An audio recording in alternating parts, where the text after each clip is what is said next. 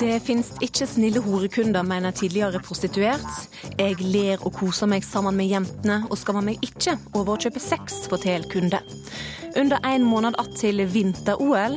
Jeg elsker OL, men kan ikke dra til Sotsji pga. Putin, sier Hans Olav Lahlum. Å legge ned distrikter oppmoda tidligere stortingspolitiker og ble nærest lynsja.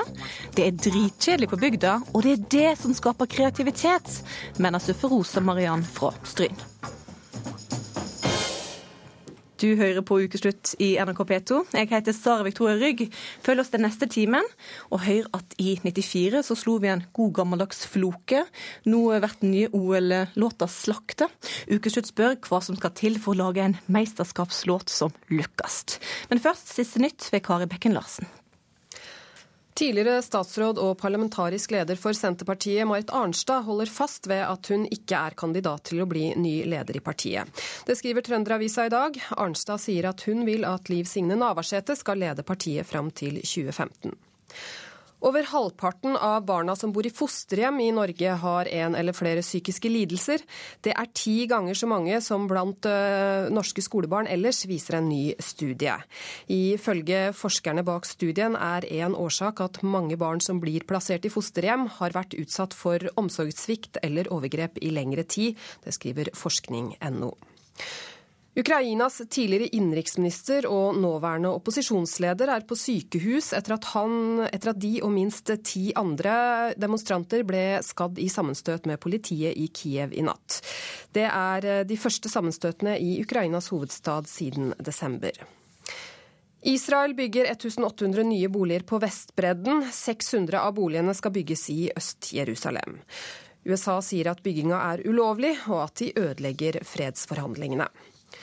Rundt 300 000 innbyggere i den amerikanske delstaten West Virginia er uten vann etter en lekkasje fra kullindustrien.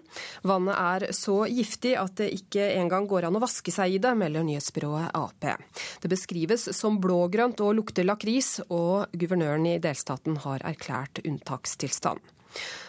Politiet i Trondheim etterforsker en mulig voldtekt av ei 21 år gammel kvinne i sentrum av byen. Kvinnen ble kjørt til voldtektsmottak i natt, og politiet ser alvorlig på saken. Og nå fortsetter ukeslutt med mer om bråket rundt Senterpartilederen.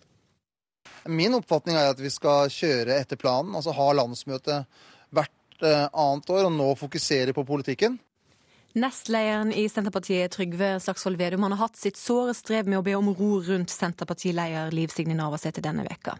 I går kveld så åpna Navarsete for et ekstraordinært landsmøte. Alt for å få slutt på leierbråket i partiet.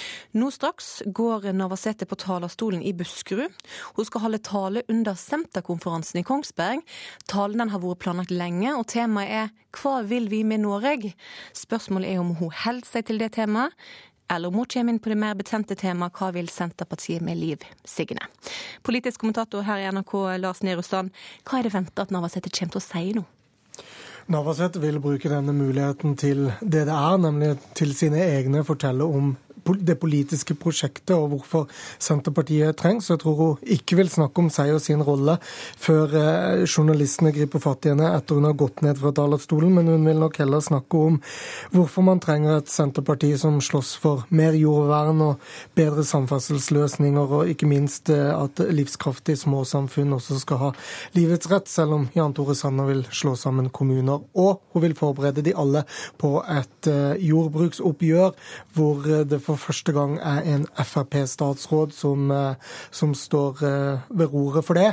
Og eh, hun vil da si at Senterpartiet er mer viktig enn noen gang, når vi nå har Fremskrittspartiet og Høyre i regjering, som styrer på, på kryss av mye av det Senterpartiet vil. Så hun vil unngå den store elefanten i, i Senterpartirommet? Det tror jeg nok. Takk til deg, Lars Nehru Sand. Vi kommer tilbake til deg litt senere i sendinga når vi hører hva Liv Signe Navarsete har sagt i talen sin.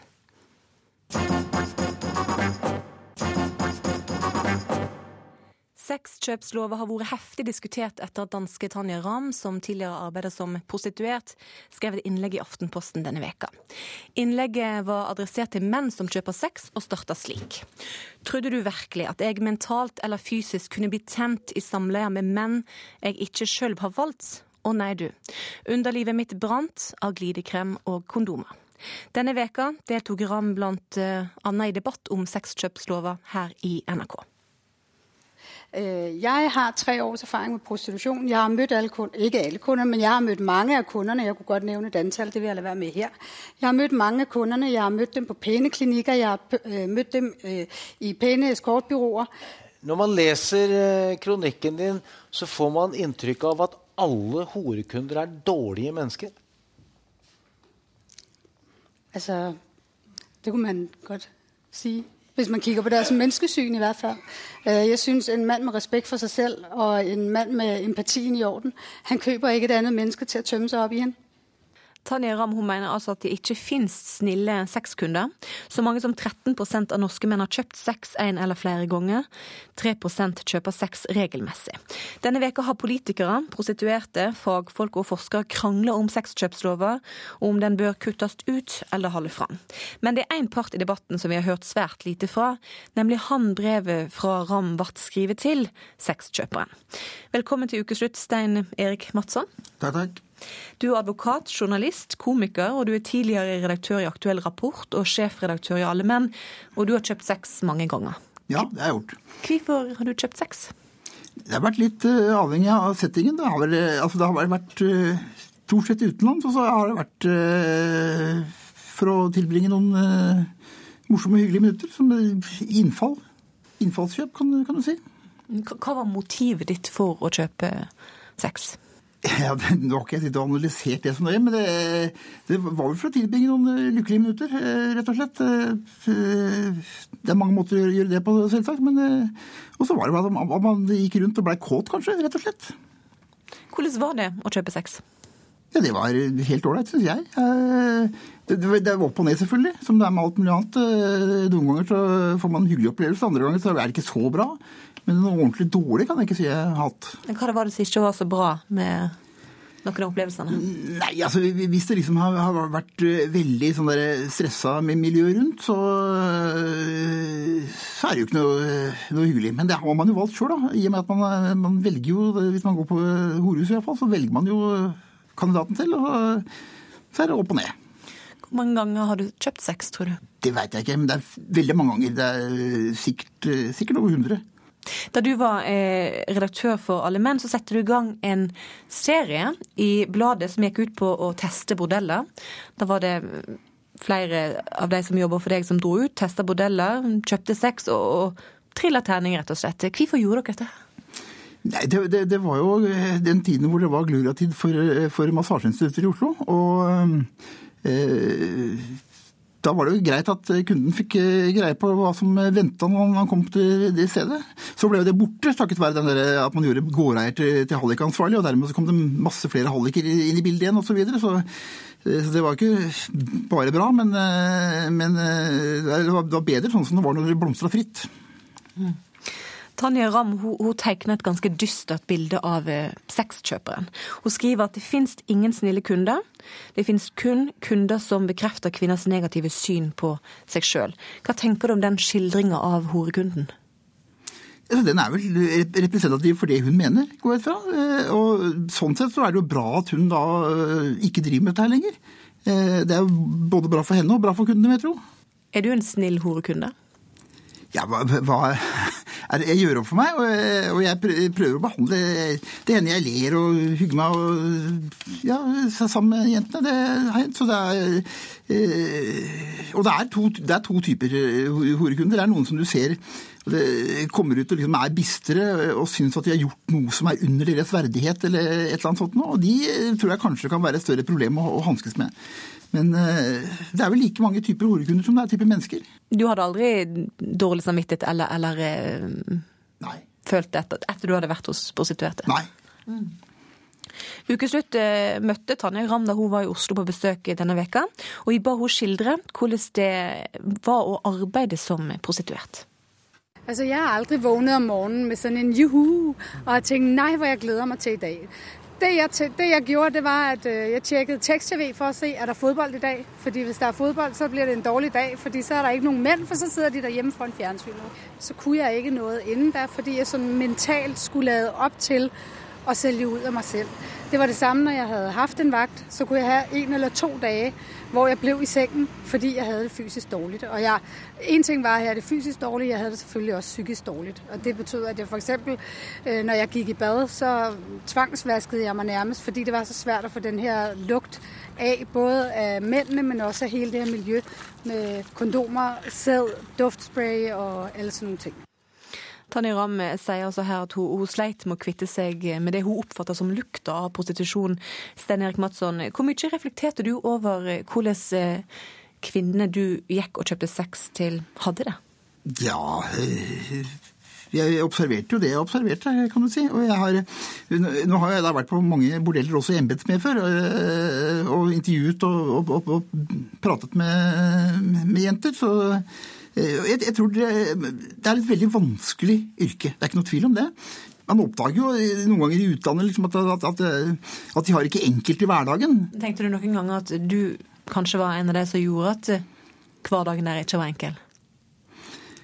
Nei, altså Jeg prøvde jo da å gjøre, gjøre det motsatte. Eh, men eh, hva de har gått hjem og tenkt etterpå, det blir like fåfengt for meg å drive og gjette om som, som hun prøver å gjette seg til motivene til kundene. Mm. Tanja Ramm sier at sitat, de prostituerte er der kun fordi menn som deg står i veien for et sunt og respektfullt forhold mellom kvinner og menn. Hva tenker du om det? Det er det rene sprøyt. Altså, Prostitusjon har foregått til alle tider. og, og liksom, Hva er prostitusjon? Det er altså et veldig godt spørsmål. Når jeg eh, inviterer en kvinne på middag, tar meg litt blomster og presang til henne osv., og, så og jeg da skulle være så heldig at det går som jeg ønsket, er det da prostitusjon? Jeg har brukt penger for å, for å få til dette her. Så, eh, så at, at, det er en eller annen sånn form for eh, prostitusjon, uansett hva man gjør, det betviler ikke jeg iallfall. Men det at en mann betaler en kvinne for, for å ha sex, eh, gjør ikke det noe med maktbalansen mellom de to personene?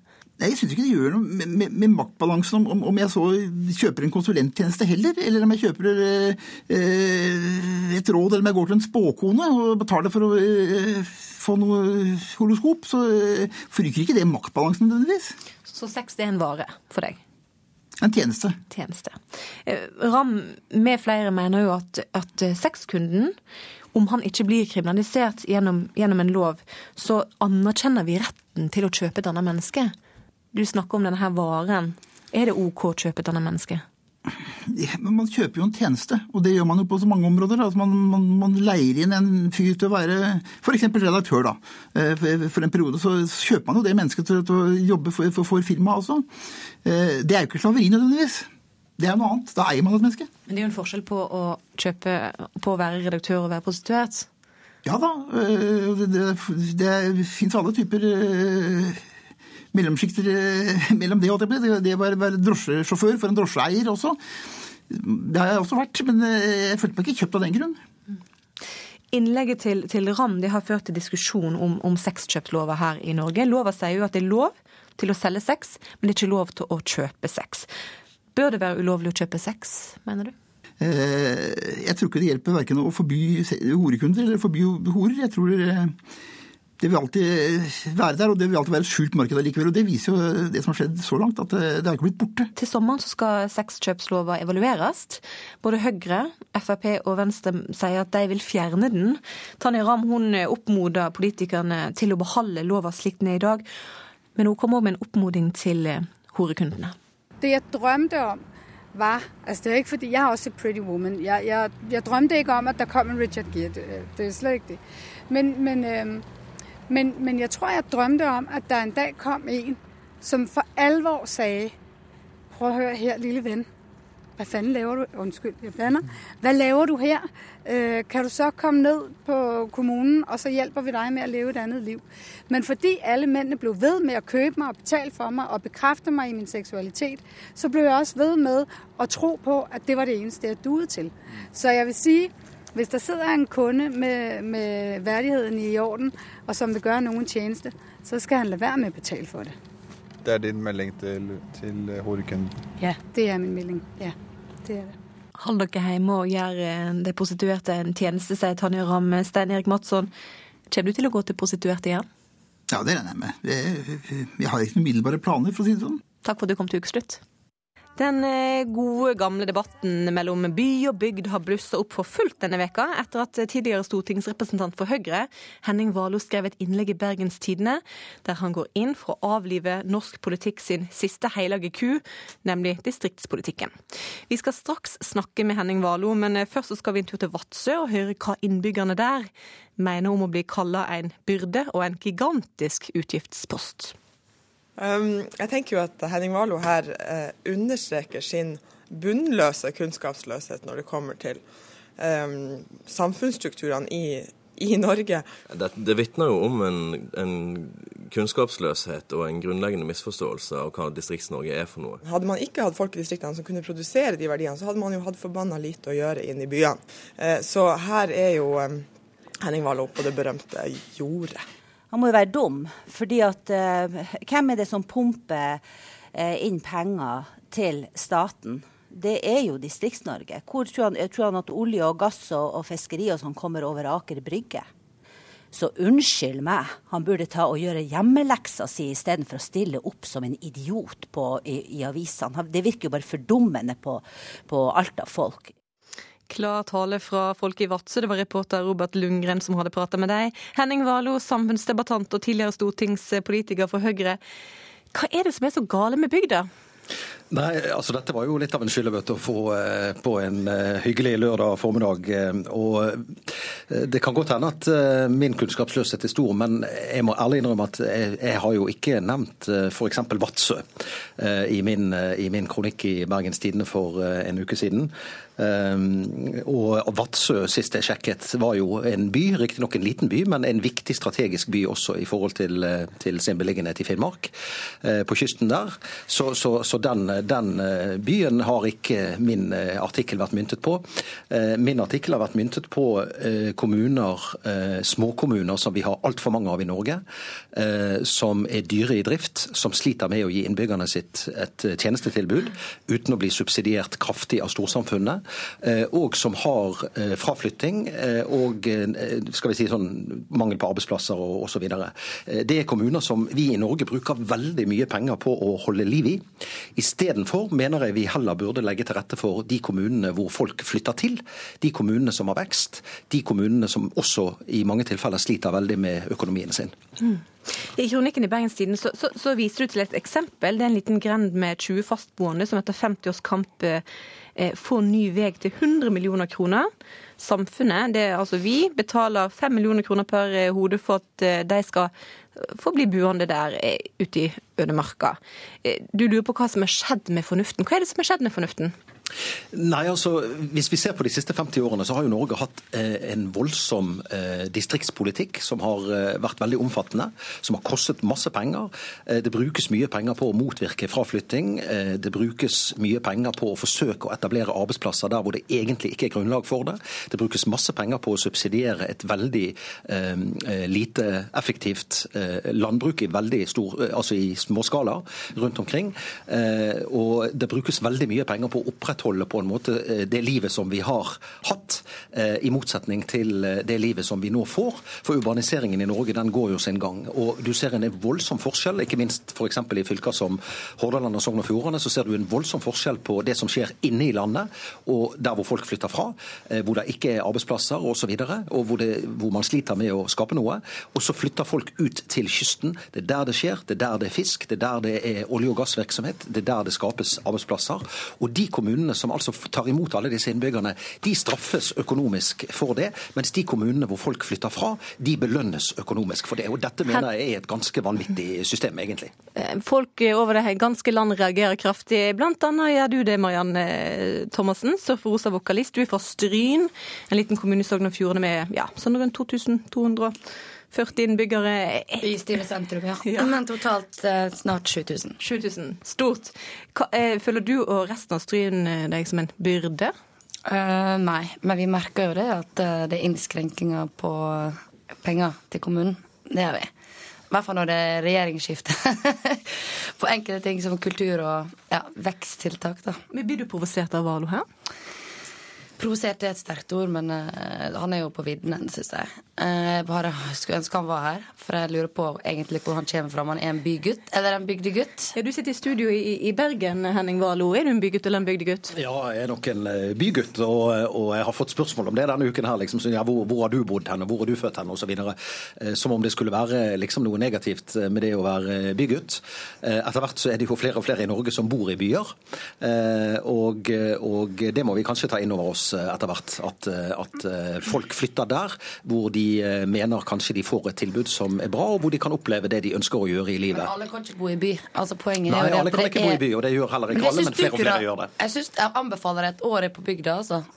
Det er veldig hyggelig, og det er veldig masse spennende som skjer. Kreativt nå, Jeg kan bare snakke for Stryn og enkelte andre småplasser jeg kjenner til hva som skjer. Men for, for bygda er det dugnadsånd. Det skjer spennende kreative ting. Så folk er veldig flinke til å starte opp ting fra scratch. Eh, jeg sa til deg på telefonen at på bygda da blir du kreativ. Som ikke går utover så masse staten og den kassa der, selv om vi har ekstremt masse penger, så vi burde bruke kanskje litt mer fornuftig sånn på bygdene, syns jeg. Og ikke, kanskje ikke så masse uh, vi, vi, er veldig flinke til å bruke penger ut av Norge til bistandspolitikk. Det er kjempebra. Men jeg syns også vi kan begynne å ruste opp litt uh, ja, i distrikta der ute. Både veier og ikke minst kulturtilbud for barn og unge, og entreprenørskap, ikke minst. Og i Stryn har vi utrolig vekst i industri og arbeidsplasser. Vi har jo nå Fjordchat, vi har uh, Moods of Norway, vi har ikke Jeg kan ramse opp, altså. Og nå, det som er trist i Stryn, nå jeg må bare si det, de skal legge ned flere linjer på videregående, blant annet idrettslinja. Vi har uh, disse Bø-gutta som er en av i verdenssjiktet på uh, ja, skiskyting. Og nå skal de legge ned den. Så det, jeg stiller spørsmål ved det også. Jeg som er glad i bygda der òg. Over til ei anna som er glad i bygda. Kjersti Toppe, som stortingsrepresentant for Senterpartiet, så er du vel programforplikta til, til, å elske bygda og være, være enig med Mariann Thommessen. Eh, du svarte Valo i Bergenstiden denne veka med å takke han for innlegget hans om bygda. Hvorfor takker du? Nei, Jeg takker han fordi at han eh, synliggjør og tør å si det som er konsekvensen av eh, høyrepolitikken. Det er veldig mange i hans parti som kamuflere det som er konsekvensene av eh, den politikken som, som de vil føre, og eh, som de er på gang med å føre. Eh, og Vi ser jo allerede at en skal legge om landbrukspolitikken. En skal, de varsler at en skal legge om inntektssystemet, slik at byene skal få det bedre med at andre skal få det verre. En varsler at det skal være mindre politiske prioriteringer i samferdselspolitikken osv. Så, så du kan ta det fra sektor til sektor. Så Sånn sett så var det befriende at uh, Henning Warloe her uh, går ut og er såpass konkret på det som uh, Høyre gikk til valg på, og, og kalte for nye ideer og bedre løsninger. Henning Warloe, er det Erna Solberg og Høyre sine egentlige tanker du kommer her? Siden jeg er ferdig i politikken og prøver å finne en annen jobb, så er det klart det er litt sånn Eh, det er litt sånn sjarmerende at noen tror at jeg nå er blitt en sånn hemmelig agent for Erna Solberg som skriver det som hun egentlig tenker osv. Dette er kun skrevet eh, på, eh, på, egne vegne og er ikke lenger politiker. Men, men jeg tror jo, hvis man ser på de siste årenes utvikling, ta de siste 50 årene for den saks skyld, 90% av de som den gangen jobbet i landbruket, har forsvunnet til andre næringer, til andre jobber. Likevel så produseres det masse i landbruket landbruket. Eh, det kunne vært produsert mye mer også hvis det hadde blitt eh, organisert mer rasjonelt. Eh, vi subsidierer fortsatt denne sektoren like mye som, som før. Mens kanskje det vi burde gjort, var å legge til rette for andre typer jobber. Jeg har veldig sans for dette med gründere også i, i, i Distrikts-Norge. Der finnes mye, mange gode eksempler på det.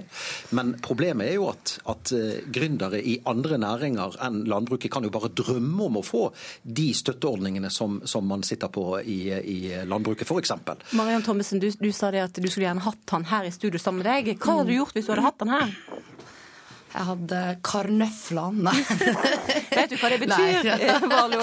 jeg, må, jeg, må, jeg må spørre før jeg tør å komme. Nei da, men uh, det her kan han prate veldig lenge om, og ditt og datt. Men det er noe med å på en måte være fra en liten plass kontra en stor plass. Og jeg bo, har bodd i Oslo i 13 år. Så jeg ser jo begge deler. Og ja, jeg må bare si at jeg syns det, det, er viktig å få til vekst på bygda, og det er viktig å få til vekst i byen. Og begge gagner hverandre veldig bra, da. Og du savner Stryn hver eneste dag? Det gjør jeg. Takk til deg, Mariann Thommessen. Takk til deg, Kjersti Toppe, og til deg, Henning Valo. Og her får du en fyr som hadde fylt 79 år denne veka om han fremdeles levde. Elvis Presley med låta 'Suspicious Minds'. Du hører på Ukeslutt i NRK P2. Følg oss videre og høre at mange av de som jobber med overgrep mot barn, får sjøl posttraumatisk stressforstyrringer. Det er de små som lider om ikke hjelperne blir tatt vare på, sier psykolog. Og anmelderne har gitt OL-låta terningkast én, og mener blandinga av rapp og opera er som å ete sterk thai blanda med graut. Ukeslutt eh, spurte mannen bak OL-floka om hvordan en lager den perfekte mesterskapssangen. Vi hadde jo tenkt oss på forhånd eh, akkurat det scenarioet som det blei. At det skulle bli fint vær og veldig kaldt. Og da, da tenkte vi at da må vi lage ei låt som, eh, folk blir litt godt humør av. Mange av de som jobber med overgrepssaker, får sjøl store problem. Denne veka starta ankesaka mot et foreldrepar som er dømt for grov barnemishandling. Så grov at aktor omtalte den som norgeshistoria sin verste overgrepssak. Reporter Gry Veiby møtte advokat Gunhild Lerum, som har lang erfaring i saker som handler om overgrep mot barn. Men jeg må jo si jeg følte meg litt uvel av å høre mye av dette her. Ja. Det Forstår det. Jeg er rett og slett ganske kvalm. I flere timer har jeg hørt en gutt fortelle om år med grove overgrep fra sin egen mor og stefar. Foran meg går Gunhild Lærum. Kort, blondt hår, røde lepper, svarte briller. Uberørt. Noen timer tidligere på dagen. Jeg treffer Lærum i lunsjpausen. Hun er bistandsadvokat i overgrepssaken som omtales som Norges verste. Ifølge tiltalen starta overgrepene da de yngste barna bare var ett og to år gamle. Selv feieren sendte bekymringsmelding. Mange mennesker tenker at når ting blir så alvorlig og så stygt, så kan det liksom ikke ha skjedd. Kaffe, brødskive med syltetøy. En helt vanlig lunsj, men historien jeg snart skal få høre, gjør meg dårlig. For den tidligere forsvareren for Lommemannen er dette jobb. Du har vært lenge i yrkeslivet, men er du fortsatt overraske over eh, grovheten i saker? Nei, jeg lar meg ikke overraske. Det er eh, kun fantasien som setter begrensninger når det gjelder seksualitet og seksuell utfoldelse. Blir man mer kynisk av en sånn jobb som du har? Jeg må dessverre si ja på det. Altså man blir, eh, om ikke kynisk, så blir man mer distansert. Jeg har sett i noen saker, jeg har sittet i f.eks. barnepornosaker, hvor det har vært eh, veldig mange bilder med, og filmer av barn som har måttet tåle f.eks. sædavgang i munn osv., som vi sitter og ser på i et bildemateriale. Der har jeg sett reaksjoner fra juryen som jeg selv helt sikkert hadde hatt, hadde jeg ikke hatt en profesjonell rolle oppi det her. Jeg har jo sett jurymedlemmer gråte og kaste opp. Det, hvis vi skulle gjort det, så hadde vi ikke kunnet jobbe med det her. Men samtidig så har du en sønn. Mm. Og det er klart at Hvis du begynner å se sånne bilder inni hodet hele tiden, så, så, går det ikke så bra. Det er klart Når man er i saken, når saken pågår, så må man forholde seg til den ut fra den profesjonelle rollen man har. Vi har en tro på at vi skal klare å ikke ta med jobben hjem. Men når vi, når vi får høre om forferdelige ting, spesielt mot barn, så blir ikke det borte. Det setter seg i minnet. Du kan ikke fjerne det. Og, og da blir jo utfordringen hvordan skal du klare å takle det uten å bli sjuk over tid, da. Per Isdal er psykolog og grunnlegger av Alternativ mot vold. I tolv år behandla han overgripere. Så møtte han veggen. Det jeg hørte, fylte meg gradvis med, med sinne og hat og aggresjon, og, og etter hvert også avsky for de jeg skulle hjelpe. For Isdal er det viktig at også dem som jobber med overgrepssaker, får hjelp. Når vi ser på hjelpere, og jeg har vært veldig opptatt av dette de siste årene, så ser vi at den viktigste helserisikoen er å få en posttraumatisk stressforstyrrelse. For det vi hører, det vi får innblikk i, det fester seg i oss, i kroppene våre, i hjernene våre, og kan styre våre liv. Den sterkeste undersøkelsen jeg har øh, lest om, sammenlignet barnevernsarbeidere i USA med Vietnam-veteraner. Hvilken av disse gruppene er mest skadd eller traumatisert? Og de fant ut at det var farligere å jobbe i barnevernet for den psykiske helse enn det var å være i krig, og det er ganske sterkt, da. For at barna skal få hjelp, må støtteapparatet være i orden. Og alle disse sakene er helt avhengig av våkne, oppegående hjelpere. Hvis vi som hjelpere, eller arbeidere i dette her, vår på en måte psykiske helse blir redusert, vi ikke orker, vi ser ting som faktisk ikke finnes, så vil det at hjelperen blir rammet, vil i neste omgang kanskje mer enn noe annet kunne gå utover de sakene vi jobber med, og de barna vi jobber med. Så hvis ikke vi tar vare på oss sjøl, og blir tatt vare på, så er det til syvende og sist allikevel barn som får ta, betale prisen for det. Og så er det en sak som aldri blir glemt. Jeg går over det. Vi var i en barneforeningssak hvor jeg representerte mor. Og mor ville ha den daglige omsorgen for barna, og far. Og han satte fyr på seg selv og huset med barna i. Og der var, mener jeg det var fire barn. Nei, det var fire, tre eller fire barn, og ett barn bare overlevde. Og det, var, det syns jeg var helt jævlig. Så det er klart at da Den begravelsen var jeg i. Det er jævlig sært å se de små kistene. Og det var jo Sølvguttene sang, og det var helt forferdelig. En lang dag i retten er over. Utenfor er det mørkt. Men hvis du sitter med dette hver dag, ikke sant? og sånn som de som på Kripos blant annet, som sitter med disse barnepornotingene hver eneste dag, det er klart det er beintøft. Og at de trenger hjelp, det er ikke vanskelig å forstå. Altså. Eller ikke hjelp, men at de trenger profesjonell bistand for på en måte å, å takle det. ikke sant? Jeg er jo heldig å kunne se saker fra flere sider. Jeg tror det er en veldig, veldig, veldig stor fordel. At jeg både er eh, bistandsadvokat i gitte sammenhenger, og at jeg er forsvarer, eh, og at jeg har også andre typer saker, ikke bare saker som involverer barn. Det tror jeg faktisk er en veldig, veldig, veldig stor fordel.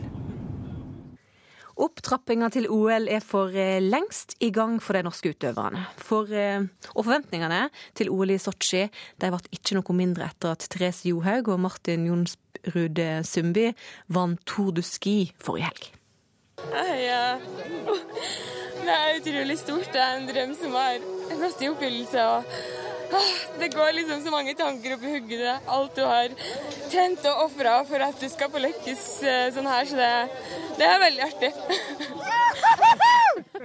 Hvordan er det å vinne Tour de Ski?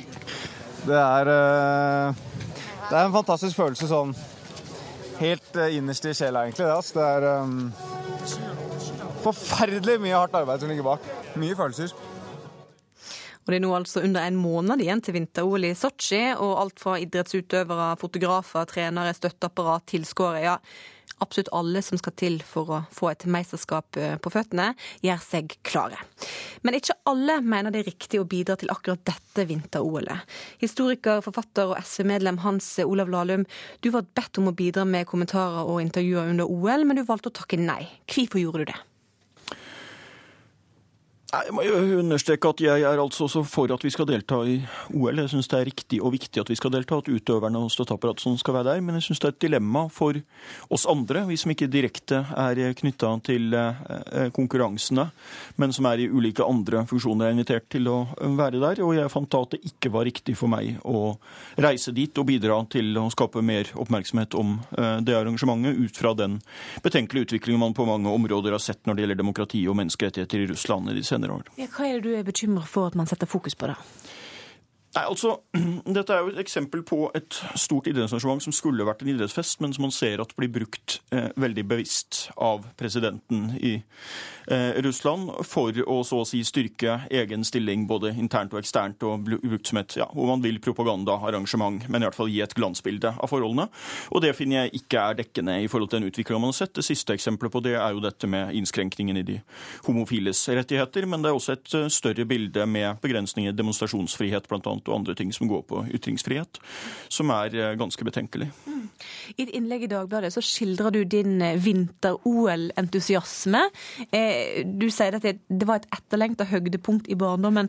Hva vinter-OL-minne er det du husker best? Nei, Jeg har jo nevnt én bestemt uh, sak der. da, Det er jo mitt første minne om et uh, norsk uh, gull i, i vinter-OL. og Det var jo i 1984 i Sarajevo, når jeg satt og så på stafettjentene som vant. og Det var både veldig spennende og veldig stort det, når de vant. Det er et sånn tidlig barndomsminne. Men jeg har jo fulgt med på alle mesterskapene senere. Og jeg skulle gjerne vært der også ut fra at denne gangen så er det ikke bare uvanlig mange norske gullkandidater, men det er også uvanlig mange på ulike måter interessante profiler og personligheter i den norske troppen. Så også ut fra det så hadde det vært et veldig spennende oppdrag. Ja, hvor vanskelig var det å si nei med tanke på den gleden vinter-OL gir, gir deg? Eh, trist med tanke på den gleden det kunne gitt meg under andre omstendigheter. Ikke vanskelig i det hele tatt med tanke på hvordan det ville vært her og nå. For jeg vet at det ville ha føltes veldig feil for meg. Mm. Birgit Skarsten, du skal til vinter-OL i Sotsji, enten som representant for Idrettsforbundet eller eh, for å forsvare æra til Norge i Paralympics. Du skal konkurrere i langrenn. Nå er ikke uttaket klart ennå, så du er ikke sikker på om du skal konkurrere eller ikke, men du skal av gårde. Hvorfor mener du at det er rett å dra? Jeg tenker det at eh, idretten er en utrolig mm, fin arena for å møtes på nøytral grunn. Da. Hvor man altså blir kjent med hverandre, du møter folk fra hele verden. Eh, du eh, konkurrerer på like vilkår. Da. Du det er for forsoning, forståelse. altså Du blir kjent med menneskene bak nasjonene. Du, du gir folk en sjanse da, til å ikke ikke være en representant eller bare for landet sitt, men også møtes altså, menneske til menneske. Så jeg syns idretten er en utrolig fin arena både for å snakke i lag, for å forstå hverandre og for å respektere hverandre. Hans Olav Lahlum peker jo på flere utfordringer dette her arrangørlandet har. Hva tenker du om de utfordringene med når du skal nå reise av gårde? Jeg tenker at Lahlum har helt rett. Jeg syns det er veldig bra at han eh, skriver en eh, sånn kronikk som han har gjort. Han eh, peker på veldig mange områder som er vanskelig, som er alvorlig, og som jeg syns det er kjempeviktig at vi både som utøvere og apparat rundt er bevisst. Jeg syns det er noe av det som er fint med OL og Paralympics, er at man kan få søkelys på områder og saker som ikke nødvendigvis er oppe det vanlig. Altså, det er ikke gitt at vi hadde hørt så veldig mye om den homolovgivninga hvis det ikke hadde vært for OL og Paralympics. Eh, det er ikke gitt at, hadde, at det hadde vært en så stor del av samfunnsdebatten hvis det ikke hadde vært for et OL og et Paralympics som er nært forestående. Eh, så jeg tenker det at eh, vi må bruke den anledninga her nå til å, å kunne påvirke der vi kan. Og jeg tenker at hver og en av oss kan påvirke i våre områder. Altså Vi som utøvere kan dra eh, og drive med den idretten som utøverne har trena for i fire, åtte, ti år for å kunne konkurrere på høyeste nivå. For det er det OL og Paralympics er. Det er det høyeste målet til en idrettsutøver. Eh, snakk med andre utøvere, bli kjent med altså, miljøene som er der. Eh, støtteapparat kan møte støtteapparat fra mange andre nasjoner. altså Man kan påvirke i de rollene man er i. Politikere, altså vi som nasjon Norge, kan bruke dette som en anledning til å fortelle Russland hva er det vi mener, hvilke prinsipper, hvilke verdier har vi i Norge, hva mener vi bør gjelde. Eh, også idrettspolitikere må kunne si fra eh, og snakke med både med IOC og med Russland sjøl. Hans Olav Lahlum, tror du på idrettsdiplomatiet som, som eh, Birgit her er forkjemper for? Ja, jeg er enig i det aller meste av det hun eh, sa her. Og jeg syns også det er helt riktig at du drar i forhold til de rollene du har, og delta i konkurranser eller eventuelt være delegert der. Så syns jeg det er helt riktig at du drar. Så det er mer et dilemma i forhold til meg og oss andre som ikke har en, den type funksjon å fylle direkte relatert til konkurransene. Altså for, for eh, kommentatorer i media og statsministre og den type folk. Nå har jo Putin sagt at eh, det skal være lov til å demonstrere under vinter-OL. Betingelsene er at du må ha fått løyve av lokale styresmakter på før han før du demonstrerer. Du skulle ikke reist av gårde og demonstrert litt? da? Nei, men eh, det er jo litt illustrerende at først innfører man da veldig sterke begrensninger i retten til å demonstrere, og så kommer man, skal man liksom prøve å sukre det litt, og så kommer man at eh, vi kan gjøre visse unntak akkurat under OL. Jeg syns ikke det var så veldig overbevisende. Men det var jo likevel interessant å se at det faktisk ble gjort noen så å si kosmetiske grep her i forkant av OL. Eh, men det det først og fremst viser, er jo betydningen av internasjonalt press og oppmerksomhet, og at man setter fokus fokus på det. Så er det en side av det vi ikke har vært inne på, er jo hvem man tildeler uh, slike arrangementer. Uh, fordi uh, Det er vel feil å si at det har vært en bevisst strategi fra IOC. fordi det er jo en avstemning i IOC av medlemmene der hvor det er veldig ulike grunner til at de stemmer som de gjør.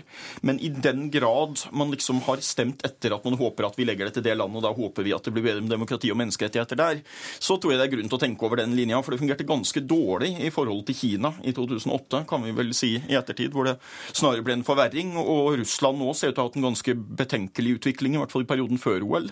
Så jeg håper at man i framtiden snarere vil tildele det som belønning for de som har hatt fem skritt på demokrati og menneskerettigheter. Hans Olav Lahlum, du er veldig glad i vinter-OL. Hvordan altså, overskygges det at det arrangeres i Russland, din glede for dette vinter-OL-et? Skal være forsiktig med å overdrive det. Jeg kommer nok til å følge konkurransene med eh, sånn vanlig interesse for det. Jeg kommer nok også til å følge ganske spent med på hvordan eh, norske medier som er til stede der, eh, dekker ikke bare idrettskonkurransene, men også forholdene eh, rundt eh, det. Eh, men jeg skulle ønske at det var et annet sted, og da hadde jeg sannsynligvis også vært der. Til det du nevner, så kan du ellers si at det var jo et tema under VM i friidrett. Så var det jo til og med utøvere som demonstrerte åpenlyst i forhold til støtte for homofile i Russland. Så det blir jo spennende å se om vi også får se noe lignende av det nå, og hvordan man i tilfelle da reagerer på det. Birgit Skassen, du skal jo kanskje forsvare ære til Norge under Paralympics på langrenn. Har du tid til å demonstrere litt igjen innimellom? Eller blir det bare fokus på konkurranse? Jeg tror nok at utøverne som er der, kommer til å ha fullt fokus på konkurranser. Men det er jo spennende å se f.eks. hva Obama gjør, som ikke drar sjøl, men som sender to representanter for USA som er åpent homofil. Altså, det er jo en veldig tydelig måte å si fra hva du mener om det her på. Det er en måte å demonstrere på. Lykke til i Sotsji, Birgit Skarstein. Og Hans Olav Lallen, du får kose deg med vinter-OL så godt du kan i sofaen hjemme i Norge. Jeg gleder meg veldig til å følge de norske utøverne eh, der, men jeg kommer til å gjøre det fra Norge.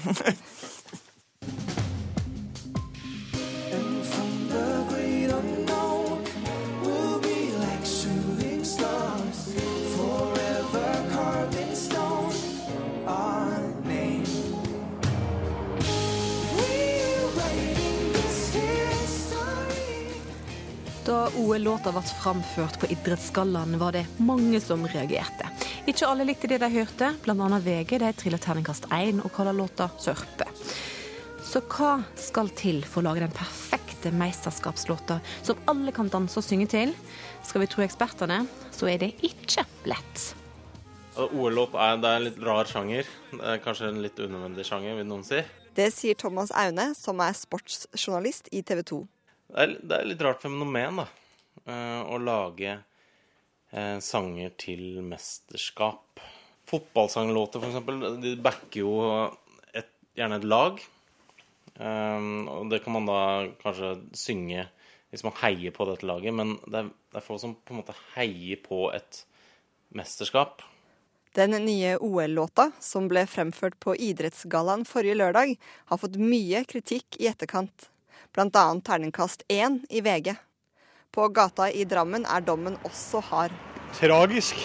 Ja, den, var, den fenga jo ikke. Og det er Nei, det var ikke noe som var bra i det hele tatt. Nei, jeg likte den ikke noe særlig, for å være ærlig. Jeg syns den var eh, rotete. Jeg syns den var bånn. Det, det, var ikke noe som fenga inn. Ikke noe særlig.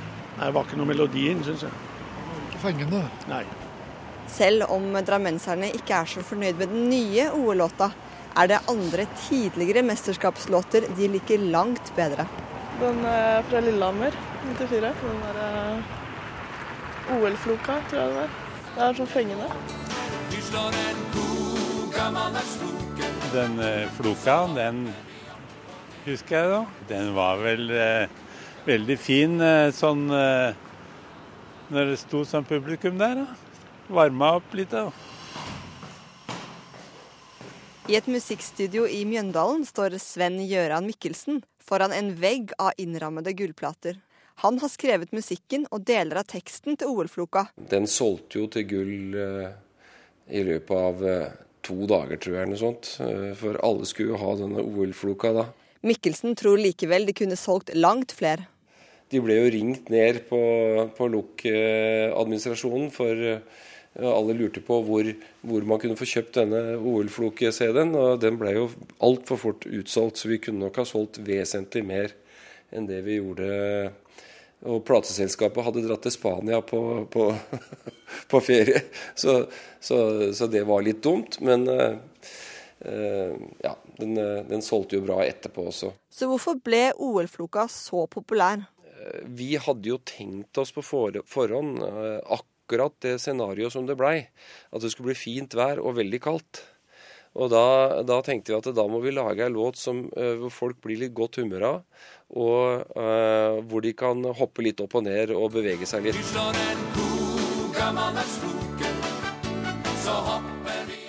Thomas Aune husker godt OL-floka, men også en annen sang fra OL på Lillehammer. Jeg husker jo 'Welcome to Lillehammer'. Welcome to Lillehammer. Welcome to the world. Akkurat det der, det husker jeg.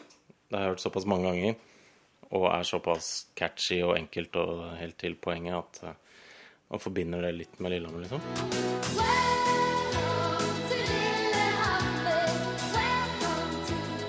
Selv om Aune ikke helt ser poenget med mesterskapslåter, har han noen tanker om hva som skal til for at de skal fungere. Jeg føler en ideal mesterskapslåt er tekst på norsk. At den kan være lett å synge med på. Eh, sånn at man gjerne i hvert fall har den i huet. Og hvis du i tillegg klarer å få det til å være noen sånn litt pompøse instrumentalpartier inni der, sånn at du kan spille den opp på sånne bilder av uh, idet Marit Bjørgen går over og vinner tremila eller et eller annet sånt, så, så, føler jeg at du kan ha en perfekt uh, mesterskapssolo.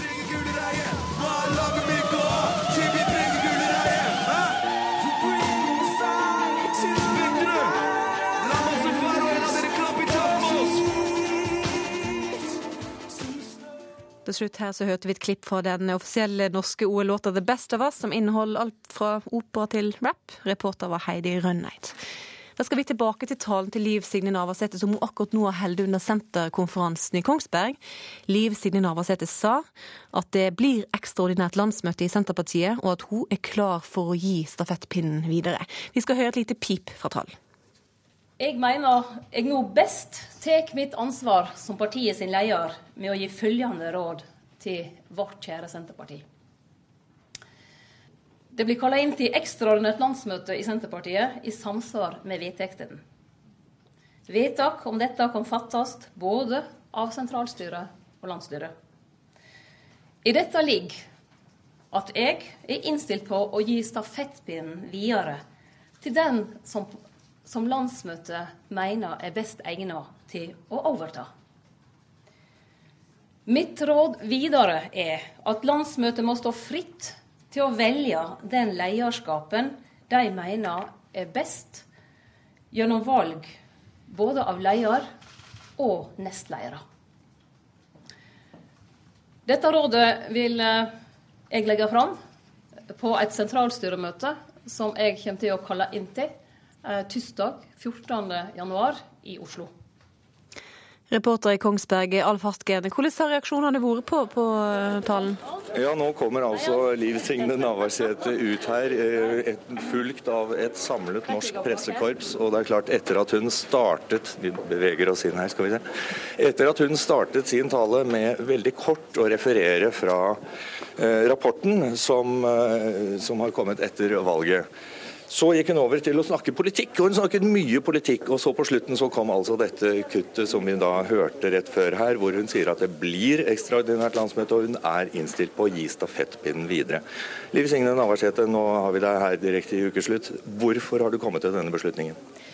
Det er etter å ha uh, gått gjennom den, den samla situasjonen uh, for partiet. Uh, jeg tror det er viktig nå at vi kan få fokuset tilbake på politikk. Eh, det har vært for mye fokus på både indre uro og, og annen uro. Eh, og nå eh, skal partiet følge opp evalueringsutvalget sin rapport. Jeg tror det er greit at det kan være nye, nye koster som kommer og, og tar den jobben, men aller mest handler det om å få fokuset tilbake på politikk og skape ro. Men hvorfor var det utelukket for deg at du skulle ta den jobben? Det, det er ikke mulig Eh, å ha et så tøft verv som partileder eh, uten å vite at du har tillit. Eh, og, det som har skjedd i partiet den senere tid, har jo vist at det er flere enn meg i ledelsen, men iallfall jeg må nok tenke for meg sjøl, som ikke har den nødvendige tilliten. Og det må en ha for å greie den krevende jobben det er. Har du snakket med den, de andre to i partiet, dine to nestledere om dette? De vet at jeg har sagt dette i dag. Hva skjer med dem? Nei, det er, det er ikke jeg som må styre det. Men jeg, mitt råd til sentralstyret vil være at en legger på en prosess der en velger et nytt arbeidsutvalg. Slik du ser det, bør det da være full utskifting i partiledelsen?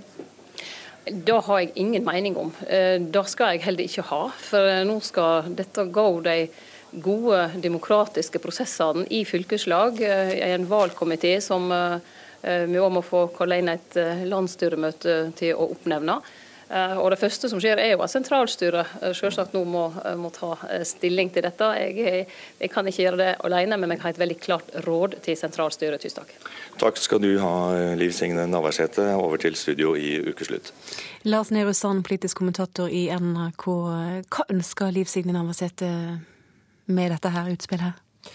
Hun må i løpet av under ett døgn ha kommet til en konklusjon om at dette er den eneste måten hun kan skape ro i partiet. Jeg tror ikke hun ser på dette som den beste løsningen nødvendigvis, men den minst dårlige, slik situasjonen nå er blitt. Vi eh, hører hun sier at det skal innkalles til et møte i Oslo på tirsdag, det som eh, frem til nå var planlagt som et eh, telefonmøte. vi hører at hun går fra å si at hun ikke vil motsette seg et, et ekstraordinært landsmøte, til å sterkt anbefale det selv. Så hun tar i, det, I den lille grad hun fortsatt kan, så tar hun litt regien rundt det som etter alle solemerker blir hennes avgang, fordi et ekstraordinært landsmøte vil bety et valg, og som hun selv sier, et valg av et nytt arbeidsutvalg, og dermed topp av partiledelsen. Så du, så du tror hun, hun, kommer til å gi seg nå? I det øyeblikket det blir innkalt et ekstraordinært landsmøte, så ser ikke jeg noen annen mulighet, fordi det vil virke rart hvis det er det det det ekstraordinære landsmøtet skal gjøre, er å velge henne for et år. Så da betyr det at hun, har, at hun går av som Senterpartileder ett år før tiden. Hvem tar i så fall over stafettpinnen? Ja, frem til nå har ingen pekt på andre enn Trygve Slagsvold Vedum. Vi hørte ved innledningen av sendingen at Marit Arnstad gjentar at hun ikke er aktuell. og Da er det sånn at så lenge Ola Borten Moe er viktig for mange å få fjerna, og, og, mange har mindre tillit til han enn til Navarsete, så, så, står eh, Slagsvold Vedum igjen som den naturlige lederen av stortingsgruppa. Det er også han som har vært parlamentarisk leder nå, mens Navarsete har vært på kurs en uke. Takk til deg, Lars Nehru Sand, og vi følger denne saka videre utover dagen i NRK. Ukeslutt er over for i dag. Ansvarlig for sendinga det var Aksel Wilhelm Due. Hans Ole Hummelvold styrte teknikken. Susanne Sunde var skript. Og jeg heter Sara Victoria Rygg.